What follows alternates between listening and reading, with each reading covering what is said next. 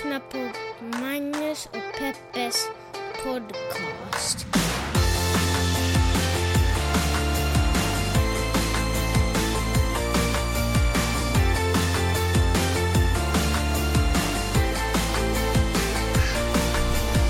Hallå internet och hjärtligt välkomna hoppas att ni känner er till podcasten som heter Magnus och Pepes eh, podcast. Det här är ju en podcast där vi pratar om de små... Ja, de stora och de små sakerna ur ett feministiskt, journalistiskt och mediegranskande perspektiv. oh men gud vad ordning och det. Har du jobbat som... Eh, vad heter- Moderator i helgen. Moderator i helgen, precis. Ja. Nu är Magnus ordet ditt. Okej, tack.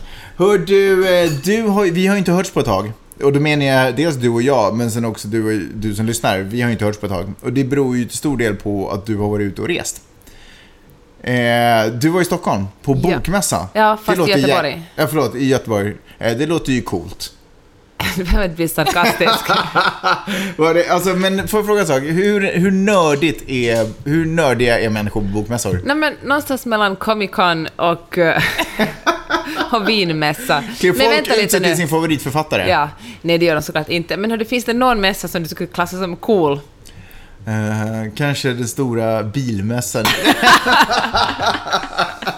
Nej, nej, det är svårt. Det är svårt med coola mässor faktiskt. Mässor, drar- det är ju liksom en Men är inte, nördföreteelse. liksom, är inte liksom definitionen på att nörd, vara nördig att man liksom nischar sig på någonting? Ja, och mässor brukar ofta vara nischade. Ja, det är- Annars är det bara en vanlig stad. Ja, exakt.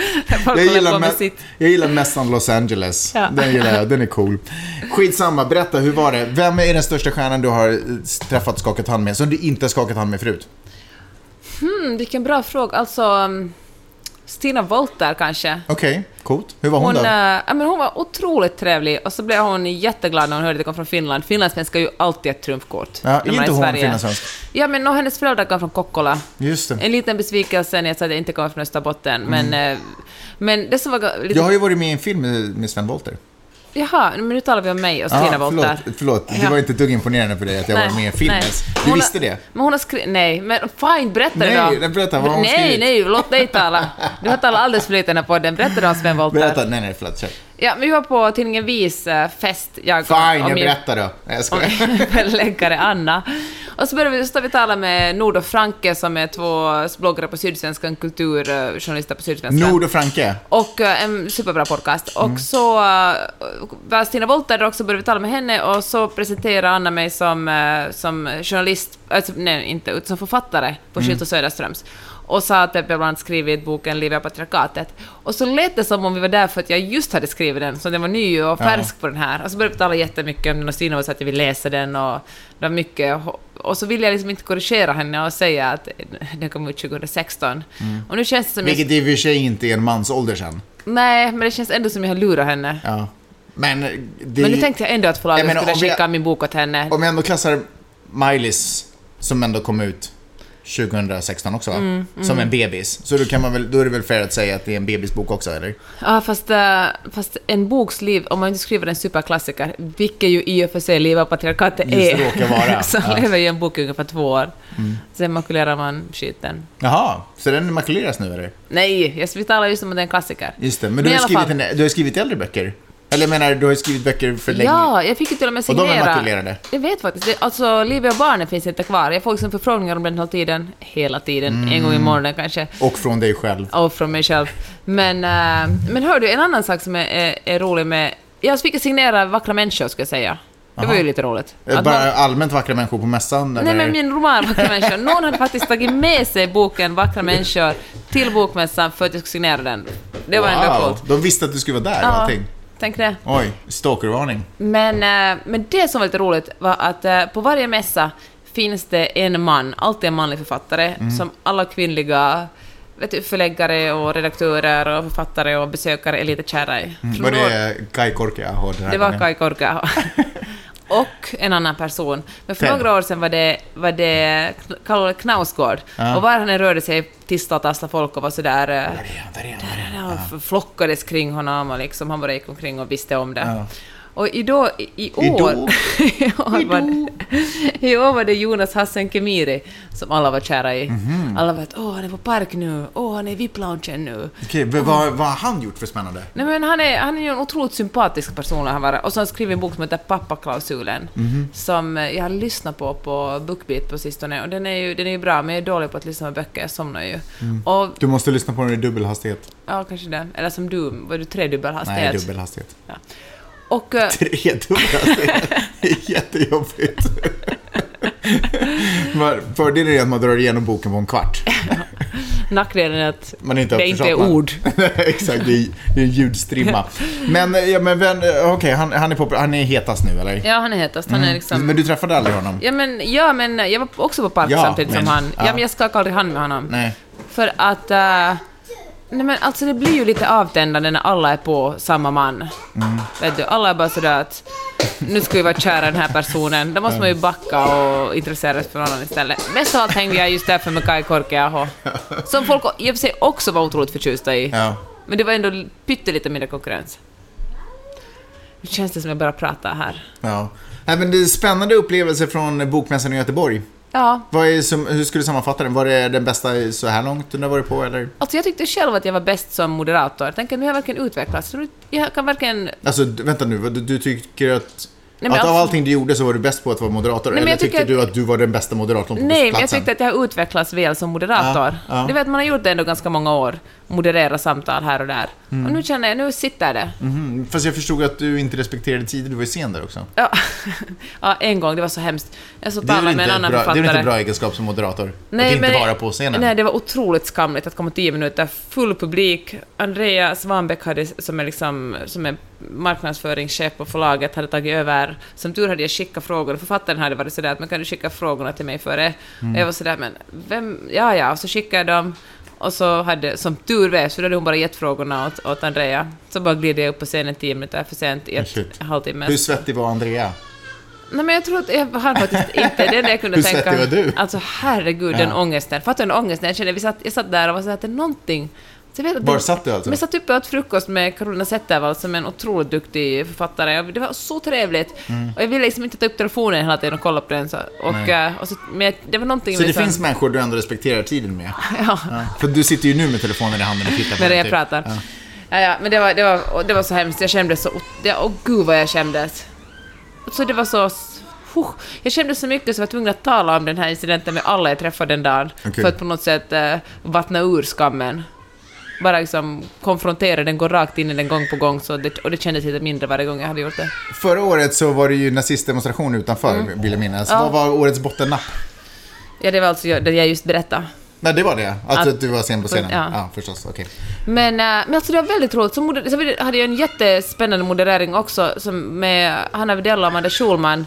Och jag, jag hade ju skrivit deras eh, bok och moderera en diskussion kring deras bok, The Diamond Year. Och det var, det tänkte jag att hur ska jag jag alltid fråga mig alltid sådär att berätta om er skrivprocess eller vilka... Så det här var ett ögonblick för dig att stå och prata på scenen med Hanna och Amanda bakom dig? ja, nej, jag- nej, så blev det inte. Jag bara ställer andra frågor. Kul! Kul med det he- senaste heta från eh, ett avslutat Bokmässan. Medan du har förlustat dig i, i eh, hög... Eh, vad heter det? Kulturella kretsar. Exakt. Du kan inte säga det. Nej, jag kan inte ens säga sådana ord. Eh, så har jag ju tagit hand om eh, markservicen, hus och hem. Barn har jag ju skött om medan du har varit och förlustat dig i, i Göteborg.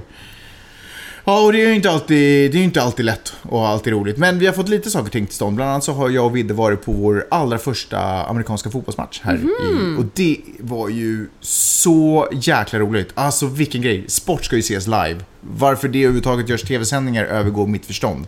Det är ju bara folk som är intresserade av resultaten. Men att gå på, på sportevenemang och se det live, stämningen, eh, Men herregud, alla har väl inte möjlighet att åka till LA och gå och se Nej fotboll? men det finns väl, men herregud, det finns väl sport... Va? Vad snackar du om? Det finns väl sportevenemang var man än bor. Fast bara gå ut på gården och kolla på live när barn spelar fotboll är ju mycket roligare än att sitta inne och kolla på TV på en, en match. Det jag skulle säga är... Eh, 2018 är ju året. Eh, vi har ju kommit ganska långt. Eh, den här eh, Jean-Claude, kulturprofilen, fick ju två års fängelse. Mm. Är lite sviten av metoo. Det är ju tack vare metoo-revolutionen, eller hur? Inte ens lite, det är ju metoo som har fått honom i Verkligen. I USA, den här... Bill Cosby.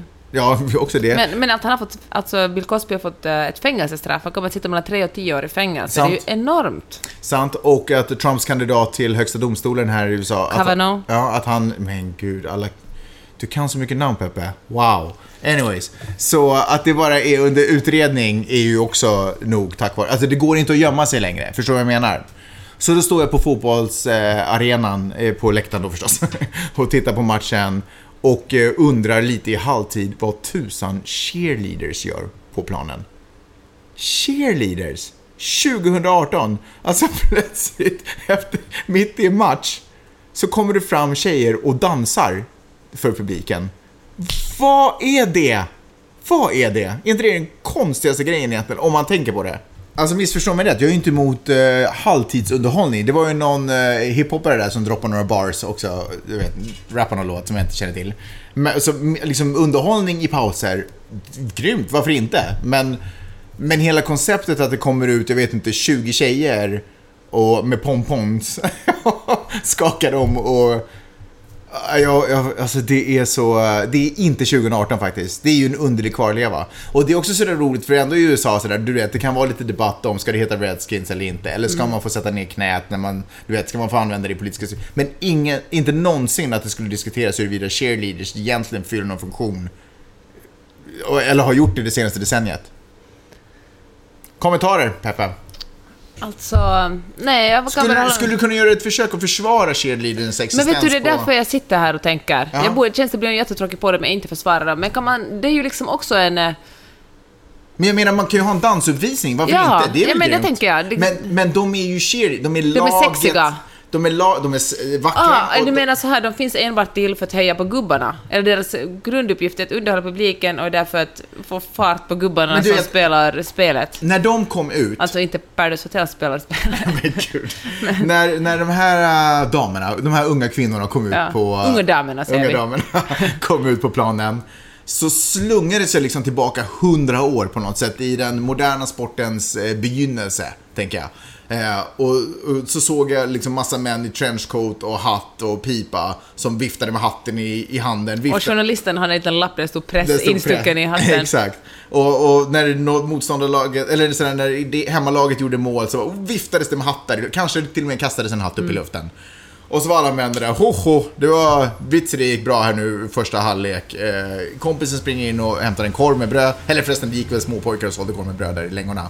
Och då vill man ju inte bara stå där och vänta på att nästa halvlek ska börja att spela. Då vill man ju ha något, något annat kul.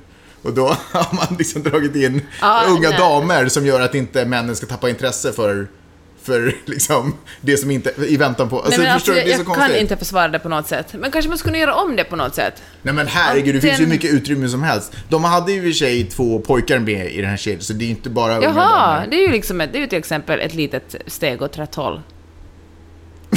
Ja, men Nej, det är det inte. varför inte? Vad gjorde de här unga, unga männen där då? ja, men de, de gjorde exakt samma dansmoves också. De var ju också där bara för att... Men eh, det känns ju lite progressivare. Nej, om det hade varit någon form av jämn fördelning och om det hade varit någon form... Om det här hade varit typ... Ja, Magnus, du är aldrig nöjd. Ah, Nej men liksom, folk som uppträder på So You Think You Can Dance, om det hade varit den stilen, du vet. Chikiwawa eller vad hon heter, den här dansgruppen. Du vet, det hade varit coola moves. Man Chikiwawa. Ja, men det, men det, de, de heter så inte det. Men förstår du vad jag menar? Om det hade hänt du vet, man hade fått någon form av kulturell upplevelse av det här. Nu satt man bara och tittade på ett museum. Det är så som att titta in i museimonter. Ja. Bara, ah, var det så här det var för hundra år sedan? Men hur reagerar folk kring det då? Nej men det är ju ingen som reagerar, det är ju ingen som bryr alltså det är ju så indoktrinerat. Det är ju grejen när man bara gör saker hela tiden, är att man ju aldrig stannar upp Mm. och bara varför gör man det här? Jag hade ju inte heller tänkt på det om jag hade gått på varenda match sen barnsben. Mm. Men nu, från att inte ha gått på Ja, match, och i fotboll så har man ju inte cheerleaders som springer in och gör konst. Nej, Nej. det, det har man inte. Men det har man på basket och tydligen amerikansk fotboll. Det är ju uppenbarligen då en... Om du menar fotboll med Fast basket har liksom... man också eh, andra underhållningsgrejer, du vet. Då är det så här, då kommer in folk som trixar på Ah, trampoliner ja, ja. och gör mål och, men du vet, dunkar. Men tycker du det är okej med mål. cheerlead- Okej, förlåt. Vi måste snart lämna sportavdelningen. Vi tackar eh, Magnus på sporten och nu över till andra nyheter. Jean-Claude Arnault, även känd som kulturprofilen, fick eh, två års fängelse. Mm. Eh, för eh, dömd för våldtäkt, tror jag det var. Ja, men det vet jag inte. Eh, spontana reaktion, spontan reaktion? Otroligt skönt att eh, män faktiskt blir bestraffade för sina handlingar. Ja. Vad är, det här är ju ett resultat av metoo, det kan man väl säga. En- Verkligen. eller hur? Ja, för det hade inte disku- Han har ju varit allmänt känd som en eh, flörtare och en oskön typ. En flörtare, men vad är det du säger människa? Jag menar en- en, en- äckel gubbe som en- tafsar på kvinnor och trakasserar Precis. kvinnor. Alla har, alla har vetat om det och han har, ingen har gjort någonting åt det för det han har känt som onårbar. Boys will be boys Ja, liksom. vilket fall som helst. Så det är absolut tack vare metoo-rörelsen. Han är väl inte, det är ju inte många som har blivit dömda till fängelse. Men vi har ju bara börjat, jag menar... eh, Inte ens Weinstein som satte igång hela rulliansen skulle ja, man kunna fast säga. han är väl också dömd för våldtäkt, alltså han, han väntar ju också en dom. Ja, han blev... I New York va? Det så blev han uh, anhållen. Det enda jag vet... Herregud, den faller samman. det enda jag vet, vi ska försöka podda vidare. Det enda jag vet är att han eh, arresterades, frisläpptes på motborgen, en miljon dollar. Eh, och nu... Så väntar han väl på att domstolen ska ta upp målet. Precis. Men eh, Bill Cosby sitter ju i fängelse. Ah, är det Han så? fick ju mellan 3 och 10 år. Han är första som... Så det är Bill fick- och Jean-Claude så här Ja. långt? Och jag tycker det är spännande med, med Bill Cosby, för folk har ju kommit, eller många har opponerat sig och sagt så att men herregud, han har gjort så otroligt mycket för civil rights, alltså för de svartas rättigheter i Mhm. USA, och han är ju liksom, han var den första som på något sätt, så han säger, Bill Cosby show var den första riktigt mainstream showen där icke-vita spelar huvudrollerna. Liksom, som handlar om en helt Mm. Svart familj, att han har gjort otroligt mycket. Och det stämmer ju. Och det stämmer ju. Synd att han inte bara gjorde det så att han kunde bli ihågkommen för bara det. Men jag tycker det är ett så perfekt exempel på att eh, världen att är, alltså världen har många färger, alltså folk är inte enbart onda eller enbart goda. Man kan Nej. göra mycket bra och sen göra ett, vi- alltså, en vidrig sak och bli dömd för det. Det Precis. att han gjort någonting bra någon gång ursäktar inte att han har våldtagit, drogat och våldtagit kvinnor. Det intressanta var att det är över 60 kvinnor som har som har kommit fram och sagt att han har drogat dem och våldtagit dem, men det är bara en kvinna som, nästan all, allt annat utom en kvinna var preskriberat. Och orsaken till att den här kvinnan kunde ta vidare mål i rätten var att han hade gjort någon slags förlikning med henne på 90-talet och då erkänt att han verkligen hade drogat henne. Intressant det var. Men det där tycker jag är lite underligt, att det finns förlikning och sen så kan man bryta Jag upp tycker också den. det. Att det, Det borde ju vara mot, alltså det borde vara ett kontrakt som inte får bryta, alltså jag vet, Ja. det känns konstigt. Samma sak med den där Stormy Daniels-grejen, att det liksom inte har kommit med ett kontrakt att du får inte säga vi borde ha en jurist med oss idag. Spelar in podden. Men vilken fall som helst så är det ju eh, fint att det händer. Men alltså metoo har ju, det är ju otroligt stort att män verkligen blir bestraffade, men en liksom bakom det, det stora bakom det är ju det att eh, ah, vi tror på kvinnor mycket Ja. mer än förr. Det har vi liksom, folk har, kvinnor har inte så vågat komma Jag fram. skulle säga det. Är inte det finare än att män blir bestraffade att det faktiskt, att, kvinn, att folk tror, lyssnar och tror på kvinnorna? Skönt att du sa exakt det som jag sa, fast du avbröt mig för att säga Nej, det. men jag ville bara betona det, för Ja. det är väl det som jag tycker är fint. Det är klart att de ska ha sitt straff, men jag tycker det är så Ja. fint att... Men, men jag tänker, och tidigare till exempel den här Anita Hill, den här senatorn, som också, fan det måste vara 30 år sedan hon stod inför eh, och, och, och berättade om, om hur hon hade blivit, hur en annan en senator hade visat henne liksom pornografiska klipp och liksom varit otroligt äcklig mot henne. Och hur hon inte blev trodd liksom, hur det satt liksom en, en, ett gäng med farbröder framför henne och inte trodde på henne. Och när man gång på gång får, eller, eller kvinnor som blir våldtagna där polisen frågar dem jaha, var du full, vad har du klätt på dig, flörtade med den här personen, jaha, du gick hem till honom, men då ville du ju egentligen. Att när det gång på gång på gång genom historien har visats att eh, om du berättar om, om, om ett övergrepp så kommer ingen att tro på dig. Då, det har ju fått kvinnor att hålla tyst och inte berätta om det, men metoo har fått kvinnor att gå ihop, tro på varandra, lyfta varandra och liksom och jag önskar jag skulle säga att män också har backat upp dem, men det är väldigt få män som offentligt har, har ställt sig bakom, eh, bakom metoo-rörelsen. Ja. Horace Engdahl var ju faktiskt en av de som försvarade Jean-Claude. Det var sådär, Ja. han är ju snäll, han, han har jag känt länge. ja men precis, han är... Det måste men vara pinsamt det är nu klart att den är här jävla kulturprofilen aldrig har tafsat på Horace, men, men det är så här som de här... men det är liksom... Och då kan man säga att, nej, att han verkar... Att jag bedömer att den här personen, eftersom han alltid varit trevlig mot mig, han har säkert varit trevlig mot alla andra i hela världen också, inte tafsat på dem. Det är som det här att det kom fram 60 stycken kvinnor som hade hävdat att eh, den här Kavanaugh, den här domaren som vi ska bli invald i högsta domstolen, att han inte hade tafsat på dem. Det är ju absurt liksom. Ja. Vem som Vad helst, betyder alltså, det? att gräva fram till 60... Vem, alltså, Det finns ju säkert 7 biljarder kvinnor, som eller 3,5 biljard kvinnor som, som kan vittna om att de inte... biljarder. jag menar, Snyggt Magnus. jag menar, jag menar 3,5... Nej, 3... Men gud, whatever, du vet vad jag menar. Bra, fortsätt. Jag tappade tråden, det var så roligt när jag tänka på hur många egentligen 20 biljarder är. Men jag menar bara att, att en person, att, Ja. att jag tänker, alltså, alltså, allvarligt talat, alltså, alla har vi ju att, tråkigt med, s- eller vidrigt med Alla har vi tråkigt, vad snackar du om? Nej, men det finns säkert åtminstone en våldtäkt. Nej men sluta skratta. Ska vi ta om det här då? det tror jag. Oavsett, rätt, rätt, rättvisa har skipats eh, och eh, det, det har jag faktiskt tänkt på. Så här, när våra barn växer upp, när de är fullvuxna, då kommer de att titta tillbaka på den tiden. Så bara, va? Kunde, va? Sprang män och gjorde sånt på, Mm. på krog? Va? Va? Folk som dansade mitt i sportevenemang. Vad var det för grej? Liksom? Ja, det kommer att kännas otroligt förlegat i deras ögon. Ja. Folk sa, jag vet, det här är verkligen ingen eh, forskning, men eh, folk jag talade med sa att de tyckte att folk var mindre, att män var mindre tafsiga på bokmässan också. Du vet, det är ju massa alkohol Va, har på det varit problem också? Aha, okej. Nej, men herregud, verkligen. Jaha. Och att det var mer sådär, istället för att uh, ta någon på brösten var det sådär skaka hand och säga hej, jag heter det och det och det. Wow, jaha. Men det får man väl inte göra länge till snart? Hej, hand. hej, jag heter det och det. Vad heter du egentligen? Nej, men det är väl bra. Alltså, det är ju magiskt. Och, och vet du vad? Fine att män kanske beter sig nu så för att de är rädda. So what? Så då får de väl vara rädda ett tag tills det blir en naturlig del av folks sätt att umgås. Kanske rädslan kommer skapa någon form av, hitta något nytt sätt att umgås med normalt med andra människor. Mm, fast rädsla kan ju också skapa aggressivitet. Tyvärr, nu nu är som vanligt en neggo här, två steg framåt, ett tillbaka. Jag tror att det kommer liksom en backlash, en ordentlig backlash på metoo. Senast igår gav ju Trump någon, någon eh, Vadå, en intervju där han sa att... Alla springer runt och våldtar skitmycket. Nej, men helt enkelt tro mindre på kvinnor och liksom eh, ställa upp för varandra. Jag, jag fan vet jag, männen har ju fortfarande all makt i den här världen. Ja. Så därför Fast- tycker jag, grejen är att det krävs fler män Fast som står upp för kvinnorna. Det har skett en förändring i medvetandet. Jag tycker att i det allmänna medvetandet i västvärlden, så Trump kan säga vad han vill, men det finns en... Ribban har höjts. Liksom, det finns en ny, lite högre förståelse, till och med på den lägsta Ja, nivån. det som Trump sa, jag hann ju aldrig säga det, var att det finns en massa otroligt rädda män nu. Att män måste nu för tiden vara rädda för sitt eget skinn. Liksom. Ja, men eh, så är och det det är en stor förstås. hotbild. Så är det ju förstås. Ja, om man har gjort ett brott så ska man vara rädd för att bli bestraffad. Exakt. Men, men det, som sagt, jag tycker att det är otroligt viktigt att män inte bara passivt kollar på och tycker att det är bra att kvinnorna strider för metoo, utan verkligen ställer sig på kvinnornas sida och också kämpar för metoo. Liksom. Ja, fortsätt. Ja, nej men liksom verkligen ställer upp och vittnar och, och säger till och, och uh, säger till när någon annan tafsar på eller uppför sig dåligt eller, liksom, eller använder ett sexistiskt språk. Och sätta stopp och säga att nej, jag tycker inte att vi ska uppföra oss på det här sättet. Nej. Bra sagt. Hej! Har du frågor och kommentarer så kan du mejla min mamma och pappa på Magnus och Peppe snabel-a gmail.com. Gör det!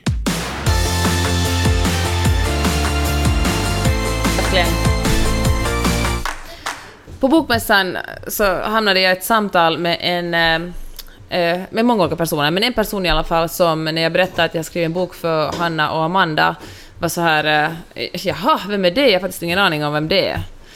Och, och det kan ju vara den här personen som, verkligen, som var ganska ung, eller liksom knappt 30, inte har någon aning om vad det är, men liksom henne gjorde det till en jättestor grej. Och då slog det mig att, att jag tycker att det är otroligt tråkigt och kanske en sorts härskarteknik när man, för att på något sätt äh, sätta sig själv i en, en... Låtsas att man själv är högkulturell eller att man på något sätt rör sig på en mycket högre nivå och låtsas att inte känna till influencers eller, eller populärkulturella fenomen. Eller kanske trycka ner den andra och säga att du nämner den här personen för att du inte är lika intellektuellt Man är för viktig för att engagera sig i sånt eller hålla sig Ja, uppdaterad men på sådana företeelser. Och jag antar att uh, i nio fall av tio vet den här personen vem man snackar om. Mm. Men, eh, men vill göra en, en, liksom en statement. Och jag tror det kanske inte handlar också om, det handlar kanske ibland också om att visa att, att, att man är en viktigare person, att någon slags maktbalans som man vill rubba något sånt. Och det är så otroligt töntigt. Mm. Jag tycker att om, det, om, man, om man är liksom, om man är kring 30 och inte vet vem Bianca Ingrosso är, Så då kan man väl fråga sådär, att ursäkta, vem är det? Eller låta bekant, vem kan det vara? Istället...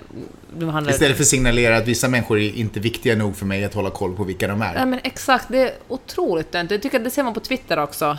Någon gång man, så för att folk ska liksom visa sig tuffa. Vem är det ens? Vem är hon ens? Man bara, Mm. nej men skärp dig. Googla det i så fall om du är så, så oallmän bilder och du inte vet det. Ja. Sen undrar jag varför, att, hur kan det vara i vissa kretsar fint att vara ignorant om sin samtid? Alltså, man behöver inte känna till allting som till exempel Bianca, eller Bibs som hon kallas, vad hon ägnar sig åt eller vad hon gör. Men att, att man skulle ha missat namnet är ju omöjligt med tanke på hur ja, populär hon är just Men nu. verkligen, att vara stolt över att Ja. inte veta någonting. Ja, exakt. Det kan väl aldrig vara en bra sak Nej. att inte ha koll på någonting. Jag tycker att ens först ens... Man, och det är helt okej, ingen kan ha koll på allting. Men jag tror inte att den här personen då ska vara otroligt stolt över att inte veta vem Nietzsche är till exempel. Nej, exakt. Utan då skulle det kanske ha låtit på ett annat sätt. Ja. Så jag tänker att ifall man märker att man är en sån person så check yourself. Apropå influencers så klipper jag ju Rebecca Stella och Vanessa Lindblads eh, podcast. Som heter Rebecca och Vanessas podcast. Eller Nu börjar livet heter den ju faktiskt för tusan. Skitsamma! Vanessa råkar de facto vara, nu kanske jag säger fel, men agent åt brittiska säkerhetspolisen. Nej jag skojar bara. Nej, åt, åt, eh, Bia- För brittiska... åt eh, Bianca Ingrosso. Ja, Så, eller Bibs som hon eller också Bibs, kallas. som hon också då kallas. Men det jag skulle säga, ursäkta, är att i det senaste avsnitt, avsnittet som då kom ut i måndags, så pratar de om Fortnite. Ja, Känner du till Fortnite? givetvis. Ja, kul att du inte var sådär, nej, jag, Nej, jag spelar inte sådär, sådär känner jag inte till. Jag kan eh, hellre spel som Tetris och eh, Alphabet. Nej, men alltså Fortnite eh, är ju sinnessjukt populärt. Ja. Det är ju verkligen på allas läppar. Eller ska jag säga att det är vid allas fingerspetsar. Mm. Och de pratar om Och tungspetsar. de har ju båda barn. Eh, inte med varandra, men två separata. Och väldigt små barn, så det är inte så frågan om att, de, att barnen skulle ha skärmtid egentligen. Mm. Men de, de pratade i alla fall om huruvida, om eh, det hade varit så att deras barn hade varit äldre, skulle de ha fått spela Fortnite. Och då undrar jag lite, vad står du? Vad, vad tycker du till exempel om eh, våldsspel och barns rätt att få spela? Eller sådär, ska barn få Nej spela? men det? herregud, det är klart att vi inte ska få spela det. Ja, men okej, men lägga till faktorn att barnet är äldre, har ett socialt liv och alla kompisarna spelar. Vad betyder äldre? Nej, men eh, lite Vidars ålder. Vidar Ja. och lite plus. Men alltså, jag, talade om det här helgen faktiskt med, med, den, med Kristin som Sissan har gjort en kokbok är den här? med. Ja, okej. Och för vi Jag känner inte till den här Kristin. Nej, vem är det? men, men, men ja, så sista natten i, i, i Sverige sov vi över hos Kristin och då kom började vi tala om Fortnite och så sa hon att eh, de har en ganska strikt skärmpolicy för alla svenska barn har telefoner. Det problemet har man ju inte på samma sätt här i USA eftersom det är Nej. ganska ovanligt att 8-9-åringar har sina egna telefoner. Men det har man, all, det har man i Sverige typ från man, det att man är 20 Sen år. kanske de åker Rolls Royce till skolan, men de har inga telefoner. Nej, de får be sin chaufför ringa Ja, dem om de ska är någonstans.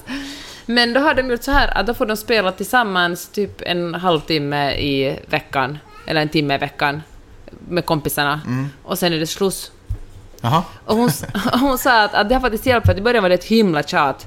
Men när de fick spela det så tyckte de att det var ganska tråkigt egentligen. Just Och Fortnite, eller Just vadå? Fortnite. Aha, okej. För det är också, alltså i Sverige spelar tydligen alla barn det. Ja. Och, eh, och, men det var ju kanske också för att om man får spela en timme i veckan så kanske man inte kan sugas in i det så mycket. Mm. Då får man spela det och sen slutar man. Spelar man det, ju mer man spelar desto roligare är det säkert och desto mer blir man beroende av det. Jag känner så här generellt. Att det finns en oro för att ens barn ska vara utanför. Mm. Och den där oron, den förstör omdömet för, för många, tror jag. Mm. Man blir för, så ängslig. Ja, men liksom sådär, så att man är rädd för att ens barn ska bli ett mobboffer. Förstår du vad jag menar? Och jag Det är klart man är det. Och jag fattar det. Det är klart att man inte vill det. Samtidigt som jag tycker att det inte är så vettigt att eh, låta människor med tveksam moral eller du vet, sätta, sätta standard för vad jag ska göra. Eller sätta regelverket för vad jag ska Du menar andra föräldrar? När du säger folk med tveksam moral? Ja men, om andra föräldrar, ja, men om andra föräldrar låter sina barn spela en massa våldsspel och majoriteten av föräldrarna gör det, så kan ju inte deras... Alltså, Nej, du menar att då blir det normen, men normen är kanske inte Precis. bäst bara för att alla gör det. Exakt, och jag ansvarar ju fortfarande för mitt eget barns... Alltså, för jag... Min uppgift är ju att göra våra barn till eh, liksom, starka, självständiga och empatiska människor. Och om trenden är att bjuda på underhållning som inte uppmuntrar det. Så då måste jag ju liksom få, se, få dem att se fördelar med att gå emot trenden. Men tänk om barnet ändå blir ett mobboffer? Eller tänker du att det här barnet kommer att ha ett så gott självförtroende och ett så gott liksom... eh, Ja. Grundad i sig själv, att det inte kommer att... Jag vet inte, men sådär, om det blir trendigt att kasta hålla på med knivar, Ja. så då kan det liksom, förstår du vad jag menar? Det är Och liksom det är inte... fan omöjligt att, alltså, att skydda folk mot att bli mobboffer. Det Ja. går inte som förälder. Alltså, Men- det, är ju helt, det är ju helt godtyckligt vem som blir hackkyckling. Ja, dessutom är det ju det, om vi verkligen pratar om Ja. mobboffer. Men att stå utanför är inte heller alltid synonymt med att vara ett mobboffer. Nej. Att man bara säger sådär, nej, jag tänker inte gå med på den där grejen, betyder inte nödvändigtvis att jag kommer bli ett mobboffer. Men det finns den här ängslan över att alla måste passa in Mm. hela tiden, man måste göra som majoriteten hela tiden gör, för att annars riskerar man att bli utanför. Det, det verkar så läskigt och konstigt. Men jag kan också fatta det, alltså föräldrar är så jävla trötta, de Ja, jobbar, jobbar, jobbar hela tiden. alltså. Jag fattar det, men jag Det kan fanns liksom... ju tusentals saker som när vi växte upp som inte vi fick göra.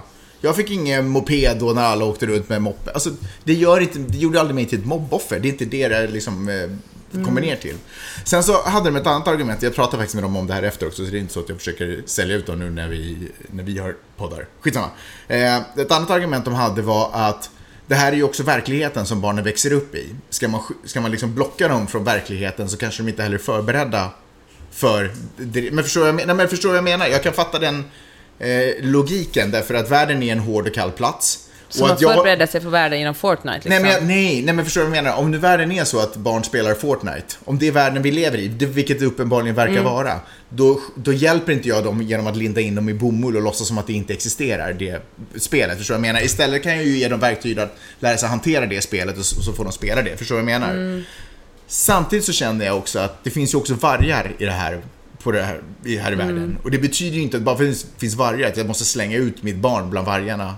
Bara för att det finns där, förstår du vad jag menar? Utan jag tror att en av mina viktigaste uppgifter som förälder är ju att naturligtvis inte blocka dem från världen utan presentera dem för världen men jag ska ju också skydda dem mot Men världen. kan du tänka dig att spela Fortnite med dina barn då? Är det en lösning? Fast det är ett värde, varför skulle jag göra det? Alltså det, finns ju tusentals... Alltså jag tänker inte stå på Nej, nej, nej. Fortnite sida. Jag tycker också det verkar idiotiskt att Men låta barnen sugas in i det. Fortnite är ju nu bara exempel. Jag tror jag pratar rent principiellt Mm. om de här sakerna som man tampas med som förälder. Att jag vill inte att mitt barn ska bli ett UFO. Eh, vill, men samtidigt Mm. så vill jag, och jag vill att mitt barn ska bli en normal del och fungerande del i det här hårda och kalla världen. Och därför kan jag liksom inte riktigt skydda den. Men jag tror att det handlar inte om att blocka ut omvärlden. Utan jag tror att det handlar om att introducera omvärlden i små, i små etapper som Men barnet är redo för. Sådär, om man alla tänker sådär att jag måste göra mitt barn hårt och tufft och förberedd inför den hårda omvärlden, Mm. då kommer ju världen att bli hård. Jag menar, tänk om man istället tänker så här, jag ska göra mitt barn så varmt och mjukt och empatiskt som möjligt. Om man tänker så måste det finnas en annan förälder som också tänker så, eller till och med två andra, eller, eller liksom tusen andra, och då kanske man skapar Ja, en bättre värld. absolut. Jag menar, ska inte man liksom lära barnen, ja, att människor är goda istället för onda? Ja, absolut. Jag håller helt med. Och sen så tycker jag att det kan finnas en poäng därför att Därför att den stora massan gör inte alltid rätt. Så det kan finnas en poäng att lära sig att också stå utanför den. För att helt plötsligt kan alla människor runt omkring dig få för sig att bara springa ut för ett stup. Och då är det jäkligt bra om man ändå liksom hela tiden checkar vad det är man själv ska. Och de, de där checkningsverktygen, de är ju det är ju verktyg som man ger till sina barn. Att hela tiden bara, vänta, ska jag göra det här? Ska jag göra det här? Man måste liksom programmera in en... En... Man trycker på bromsen ibland. Ja, Och sen exakt. ska jag svänga höger eller vänster. Precis, exakt. Ja, vilket fall som helst. Eh, Så tänkte jag. Jag fick eh, en, eh, en liten insikt bara. Jag tycker det är liksom- så otroligt spännande att eh, du är som en antropolog som besöker olika kulturer och verkligheter Ja, och det klipper folks poddar. Det är verkligen så. Alltså det är, om, om du är trött som lyssnar på det här, om du är trött på ditt jobb, börja och tycker att det är tråkigt. Börja klippa poddar. För du skulle Alltså, aldrig någonsin annars ha koll på... på Rebecca Stella. Nej. Jag skulle inte ens veta vem det var. du, skulle bara, du skulle säga så faktiskt i diskussioner. Rebecka Stella, vem är det? Ja. Förändringens tid här i Los Angeles för oss. Hur, du eh, blir ju inte yngre. Det var det, Va? jag, det var det jag ville säga. jag gillar att du bara, jag skulle bara kolla om du lyssnade för du satt och, du typ låtsades vara med. Men jag märkte att du inte lyssnade, du bara satt och nickade. Men vad då? Vad vill du säga? Jag ville säga att differentier- vi har lagt in nytt golv i Mm, vår lägenhet. Det är kul. Lite spännande saker på gång med vår framtid här, kan man Mm, väl kanske säga. Hade en, också en utomkroppslig upplevelse, måste jag ändå säga, för, för typ ett par veckor sedan. Jag glömde säga det i podden, eller vi kanske inte ens haft ett avsnitt ute. Skitsamma. Jag står inne på en av de mest kända adresser eh, kontorsbyggnader på Sunset Boulevard här i Los Angeles. I telefon med eh, Gunilla Persson från Svenska Hollywoodfruar som eh, vill göra en podd. Och, eller rätt sagt vill fortsätta göra podden. Står och är på väg upp till ett kontor där en liksom mediamogul, måste jag ändå säga, i USA sitter på kontoret och väntar. Och eh, ut ur hissen kommer, knappt att jag märker det för att jag är inne i ett samtal med Gunilla Persson. Sylvester Stallone. Och jag lite sådär blockar vägen för honom att komma ut för jag står och pratar samtidigt som jag är lite till dörrportkärn. Jag är såhär, ursäkta kan du vänta ett ögonblick, jag ska bara avsluta det här samtalet. Eh, och Stallone är lite såhär, du vet man, man står och gungar från sida till sida så bara, var ska jag gå ut någonstans? Eh, och så märker jag det när han typ ändå smiter vid, liksom på min vänstersida. Eh, då hade jag en liten utomkroppslig upplevelse när jag plötsligt inser, på något, det är som att alla de här bitarna på något sätt bara ramlar ner över mig och jag ser hela händelseförloppet. Tänk om du hade berättat det för Magnus 2000, vad ska jag säga, 13. Men jag leker ibland med tanken att sådär, att man kunde få, eller det har säkert fått det från någon film, att man kan få se en liten, eh, en liten thumbnail, en liten snapchat från något skede i sitt liv, framtiden till exempel. Och då tänker jag, typ så här, för det fanns nämligen ett ögonblick när vi bodde här i LA. Vi, vi hade redan liksom kommit hit och du vet, jobbade och allting kändes bra och härligt och havet och allting var underbart och vädret och så. Och så fanns det ett ögonblick och det, jag tror att det var en vinter då vi var och hälsade på i Helsingfors. Jag sitter i din eh, syster och, och hennes snubbes dåvarande bil. Som inte var nödvändigtvis liksom nytvättad eller ny överhuvudtaget. Och vi sitter på en eh, eh, regnig motorväg på väg någonstans och allting är grått och det känns bara jävligt trist. Och vi har typ ett barn där bak som skriker och ingenting kändes liksom roligt. Och då tänkte jag så här, om om jag hade liksom tio år tidigare fått en Snapchat för hur mitt liv kommer se ut tio år fram i tiden, då hade jag nog inte levt idag, faktiskt. Samt, fast det inte ens representerade vad som var egentligen verkligheten. Lika lite som egentligen det Tänkte här. du så? Ja, jag tror, lika lite som det här En bakfull fru i... Lika lite som det här liksom, ögonblicket på den här adressen Mm. liksom re- representerar mitt liv idag. Det gör det ju inte. Men det var, om vi hade fått se det som en Snapchat så hade man varit så här. Oh my god, vad är det som händer? Var liksom, det här livet måste bara ses och upplevas. Ja, jag tycker det var fantastiskt. Så kan det gå när man rör sig på gatorna här. Vad som helst kan hända. Magnus, det har varit så roligt att podda med dig igen. Känns som evigheter sen sist, men nu är vi tillbaka. Nu är vi tillbaka. Två gånger i veckan. Okej. Men hör du, innan vi slutar vill jag berätta en grej. Ja. Eller vill uppmana er till en grej. Det gäller också uppmana dig. mig, eller Nej vadå? men dig och, och alla som lyssnar på den här podden. Just du som lyssnar Jag på det lyssnar i och för sig här. inte på den här podden. I och för sig. jag Men vet inte ens vad den här podden heter. I alla... du är för högkulturell för den här podden. Jag vill att alla ringer sina föräldrar. Alltså med telefonen och pratar in i luren. För jag lyssnar på en podcast som heter Invisibilia. Men jag har ingen bra kontakt med min pappa, borde jag ändå. Men ring din mamma. Ja. I och för sig kanske du ska ringa din pappa också. Han Just svarar därför. inte. Ja, Okej, men ring Diana. Mm. För att jag lyssnar på en podcast som heter Invisibilia som handlar om hur, eh, hur man kan känna att hur ens röst, när man hör någons röst frigörs endorfiner och liksom lyckokänslor på ett helt annat sätt än när man, eh, när man läser en text. Mm. Så att även om du textar mig Peppi, jag älskar dig, så känns det mer i mig om du ringer för att säga det. Och den här eh, programledaren berättar om hur han hade, det heter väldigt sorgligt, men han hade förlorat sin mamma i, eh, i cancer. Och han funderar tillbaka på hur irriterad han var för att hon lämnade alltid så långa meddelanden på, hennes, på hans telefonsvarare. När hon bara, du vet som ibland vissa äldre människor gör, har så här Fritt fria... associera- ja, Exakt. De tror att de pratar på något sätt med personen på riktigt. Ja, alltså det är bara deras, de bara pratar vidare, så kommer på något annat så fortsätter Mm. det. Nej, nu, hade, nu har man ju ganska sällan telefonsvarare kvar, men min pappa brukar lämna sådana meddelanden. Och, bara, och, man bara, och jag känner igen det känslan, man bara men, men vad vill du egentligen? Men egentligen ville han ju bara ringa och säga att han älskar mig, fast Mm. det sa han, eller det sa kanske i slutet av samtalet, men först kom det en massa annan information som var helt oviktig för mig. Men, eh, och då hade den här programledaren som gjorde den här podden hade bara några få gamla inspelningar där hans, kvar av det hans mamma hade, som hans mamma hade lämnat på telefonsvarare. Alltså det var liksom ett otroligt fint minne av att höra hennes röst. Det var det samma meddelande hon alltid sa, nu börjar du gråta Magnus, jag säger på dig. Men han lyssnade på dem hela tiden. Och då tänkte jag att eh, om det faktiskt är så att, att, eh, att det gör att det liksom växer sorts lyckokänslor i kroppen när man hör en människas röst som man tycker om, då måste vi ju ringa varandra oftare. Och det är svårt för mig att säga det här, för jag är verkligen ingen person som ringer. Okej, jag ringer min mamma nästan dagligen. Vi ringer ju våra föräldrar ganska ofta Ja. ändå tycker jag. Men liksom vänner ringer man ju väldigt sällan. Karin Gide brukar ringa och tvinga mig att tala med henne, men alla Men ni de är- poddar ju. Ja, jag, gillar att du ser er poddinspelning som ett samtal där Karin Gide har, Gide har ringt och tvingat dig att prata med henne. Så har du bara råkat hamna på band. Superstörigt. fast nu när Och det är alltid böcker de vill snacka om också. Man bara, kom igen, det måste finnas något annat vi kan prata om. Men nu när du säger det så, herregud, alltså... Den där inte längre finns, så har åtminstone video av Maj-Lis någonting att lyssna på. Tänk alla de här avsnitten. Ja. Jag vet inte hur många, vi har säkert gjort över 200 avsnitt vid det här laget. Ja, verkligen. Det måste finnas sjukt, alltså verkligen, vilken ynnest för dem. Ja.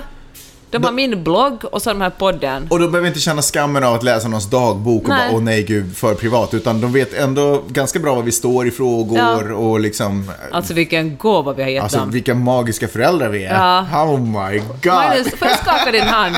Grattis! Där har du kardan. Bra Ingen jobbat. Fortnite, men mycket podd. Superbra. Okej, vilket underbart eh, självglorifierande slut på den här avsnittet. Ja, det måste kännas jättebra för alla som har lyssnat på det här. Men ring era föräldrar och så länge ni kommer ihåg vad de heter och eh, säger att ni tycker om dem så kanske de säger samma sak tillbaka. Vi tycker om er. Det gör vi. Ha det bra, vi hörs. Hej! Hej!